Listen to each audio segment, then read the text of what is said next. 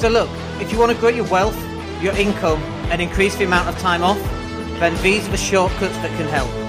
Welcome to the Wealth Creation Podcast. And welcome everybody, it's Dan. Hope you're well today.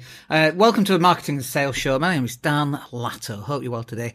Um, so we're going to cover four different things in today's session, uh, mostly about sales really, but obviously it's called the Marketing and Sales Show. So I would be remiss, I think is the word, if I didn't also talk about marketing and the impact that that's going to have on your sales. Because for me and our business, the two are kind of, uh, linked really. Like if you've got a good marketing process in place, your sale is just the end result. Whereas for a lot of people, sales is the beginning of the process. And I don't think that that should be the case at all.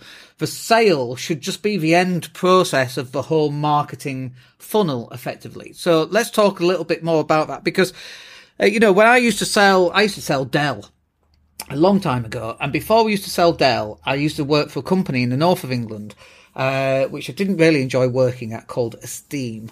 And um, but it taught me an awful lot. Right, it taught me an awful lot about sales. And the whole process was very much different. And it, you know, if, if, if that business, which was kind of, uh, was 20 years ago now. So it's definitely before the age of social media. Um, and they had a marketing department and it was just two people and their marketing consisted of writing out to people and getting press reports and you know PR campaigns and all of that kind of thing. And whilst that kind of thing is really really good it, it was much more difficult uh, to actually progress a sale through marketing back in those days. And obviously now it's very very different because we can get a lot of uh, awareness out in the marketplace on social media and Facebook and LinkedIn. We don't have to rely on uh, an editor at the Yorkshire Post thinking, yeah, that's a really good thing. Let's put them in their PR. Uh, bear in mind that they had such limited space. And now, because we've got all this technology, we've got unlimited space to get our message out. I could, if I so wanted, uh, in the style of the Truman Show, I could literally live stream 24 hours a day and show you what I get up to every minute of those 24 hours. Now, I wouldn't advise that. I don't think that's very interesting, but we could do. So it's not like we've got a limitation on how much content you can get out. And actually, uh, you know, yesterday we had, I think, three or four strategy sessions. We've got two or three today in between all the other stuff that we're doing. Our, our sales process is really taken off uh, towards the latter end of this year. And the reason why that's actually happened is that the amount of content I've now got going out is huge, right? And it's kind of like this realization that, oh, that's the amount of content you need to be putting out. Whereas before, yeah, yeah, we were putting out content, but we weren't putting out any, anything like the amount of content that we're putting out now. And people say, oh, but you, you shouldn't put too much content out. And I don't think there's actually any, any, um, uh, any uh, weight to this idea that you might be putting out too much content. I think it's actually really difficult to put too much content out. We're putting out a lot of content. We've got three video shorts, we've got one live, and then we've got all the other pieces of content, images and video and text that go out every single day as well. But you, the, the people on social media, you're not seeing every piece of content that we put out. You might get a little bit here and a little bit there. Um, and Facebook throttles it, right? And not just Facebook, LinkedIn and YouTube, it throttles it completely. So you've got to be putting out a huge amount of content. So just comparison uh, between where we are today and where we are back in those days. You know, I used to send out, um, it was a photocopy of a uh, we used to sell servers and backup um, software and hardware. So we'd send out um, a photocopy of someone whose server had gone down, they'd lost all their data, and the company was now facing going bankrupt. So we would take uh, a photocopy of that and we'd slap a, um, a post-it note on it, and it'd say, "Saw this and thought of you, Dan." And then we'd put my number on it, and that you know we we would do cold um, cold direct mail campaigns just doing that, and that would get the phone ringing a little bit. Now, of course, we can do whole podcasts and workshop online. Uh, we can stream that out. So instead of one to one marketing and messaging, we're doing one to many marketing and messaging. And so the whole technology that we have now has streamlined your ability to get more sales.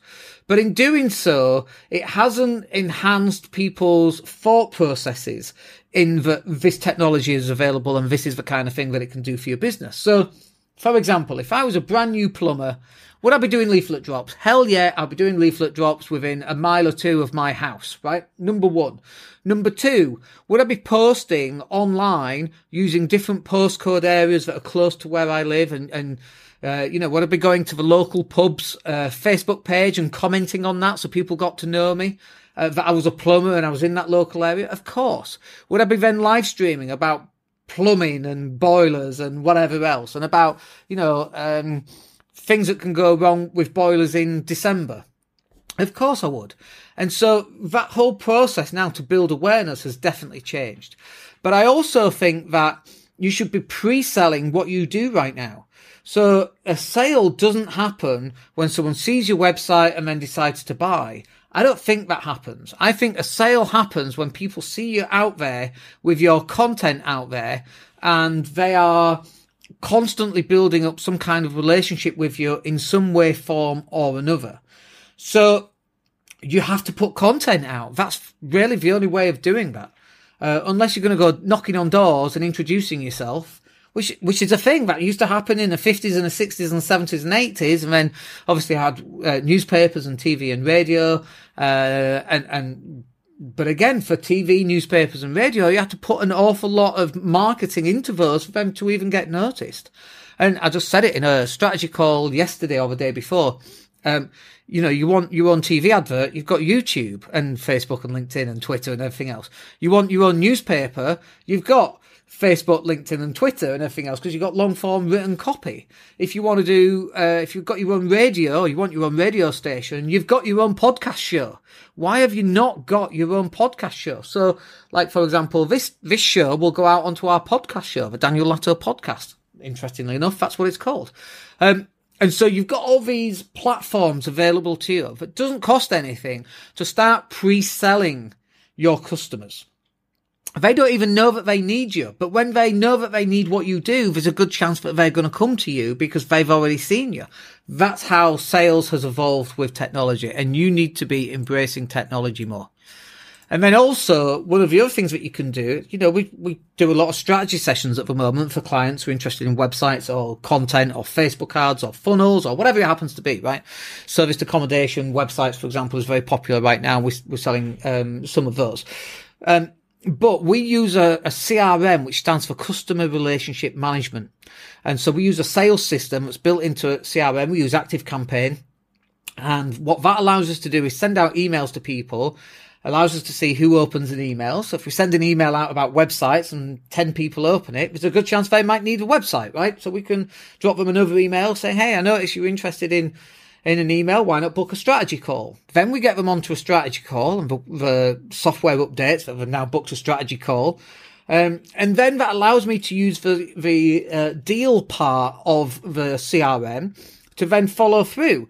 So if I was to look at my uh, CRM right now, uh, let's have a look and see what it says. It, so we've got on our CRM, we've got to contact. These are people that we need to contact uh, where we've got a phone call scheduled.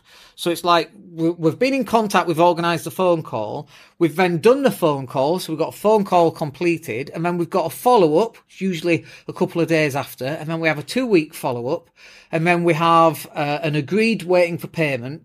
And then after that, we've either lost the deal or the deal goes into our, we've won the deal. And so we have a system that's built into uh, our processes for our sales to make sure that we don't miss out on anybody. We're not using memory. So let's say we had a guy and he wants Facebook ads and I spoke to him on the phone two weeks ago. I'm not relying on me to remember to message him an email. All I do is when we need to make sales, I go to my sales CRM system. I go, Oh yeah, I spoke to that guy. I need to follow him up. Hey Bob, it's Dan. Uh, Facebook ads we spoke two weeks ago. You wanted to get started. Are you ready now? Yeah. Okay, let's go. So using technology uh, can enable you. And by the way, this technology is not new. CRM and sales uh, follow up software. You know, I worked at another company called Cross Products who used to do uh, a product called Snasm. Do you remember the old Sega Mega Drives? They used to use the old 6800 uh, chips. And so using a computer and using a SNASM, you could program a Sega Mega Drive for games. And we used to sell a lot to Nintendo, um, and, know, Nintendo, no, to Sega, sorry. Although they sold Nintendo products as well, but they would sell lots of these boxes to Sega developers to, to create the software. And I remember my boss back in the day, and it was all, um, it was all text based, none of this fancy graphics and so on. It was all text based and MS DOS back in those days. But he had a CRM system. That was 1993. That was 30 years ago. Goodness me, I'm old. Um, and I remember him using, uh, that. It was 91 to 93, I think I was there. But these CRM systems been around for ages. Why using memory? And before that, of course, we used pen and paper.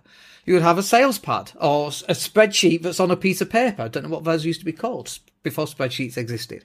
Uh, but they've always been around. But most people don't use them in the business. And I'm like, why are you not using that in your business? There's a system here to avoid you forgetting um, because memory fails. But pen on paper or using a computer system, as long as you have backups, of course, then that's going, going to work. And then once you've got the CRM system, hopefully you want to a sales call of some kind. And one of the big things that I see quite often, you know, when you phone, a really good example is, you know, when you want to buy a second-hand car, a used car. So you phone them up, you want auto trading, you phone them up, and is that Ford Sierra? Let's use a Ford Sierra. I can't think of a, a, more recent car. Is the Porsche 911 still for sale? Uh, I suppose some of this will depend on um, where they are and the level of cars. But honestly, we, we were trying to buy a Ferrari at one point and we went to JCT 600 Ferrari. A friend of mine was buying it. He turned up in a Ferrari and I turned up in this gorgeous 911, uh, this convertible car that I just bought for 40 grand. They treated us like absolute crap, quite frankly. Um, no rapport, no interest in who we were. We turned up in two fancy cars. They just weren't interested because we looked young at the time. We were uh, 29 at the time, 29, 30. Uh, just ridiculous. And it's like, but, but going back to the second-hand car salesperson, he picks up the phone and they grunt at you. And it's like, dude, I'm trying to buy a car off you. At least sound like you're semi-interested. Which kind of moves us on to these, um, building rapport during sales calls. So a really good example, another really good example is when we used to buy houses below market value because people were going through uh, whatever problems they were going through, divorce or a death in the family, they've been left a house, or they were going through some financial difficulty. So on that phone call where we they'd fill in a form, they come to us, and then we would have to get into a first phone call with them. The amount of rapport that we would have to build with those guys was huge right? And so there's really simple things that you can do, like just smiling on a call. Even though they can't see your smile, the smile comes through. And now, of course, because we use technology and we use video technology, right? So now we like to see people rather than a phone call, which we really don't like and we never really liked us. If we can see people, if we can get in front of someone even better, but often it's 2023, we're not getting in front of anybody when we live a thousand miles away in Spain. But now we can get them on a video call and we can see what their reactions are. And we can, we can be nice and friendly. We can talk about the dog and the kids and where, where are they and the things that are in the background. I've got a Captain America tri- um, shield in the background. Uh, one of my clients has got a Iron Man mask. We're both in our fifties. Uh, and he's got an Iron Man, and I've got the American um, Captain America shield, and so it gives us something to talk about, to build rapport, and and to have jokes and funny. Or sometimes we're in the car because they've pulled over because they're late to the meeting, or sometimes we're in a park and we're walking the dog, which is really cool. So we talk about dogs. So we're not even talking about business at that point. We're building rapport to get people to like each other. And it's almost like there's a scene in The Wolf of Wall Street where he goes over to Switzerland, I think it is, to G- Geneva, I think. And um, obviously their Swiss banking is really tight and um, they have a lot of, used to anyway, not so much these days, but used to be very anonymous and so on.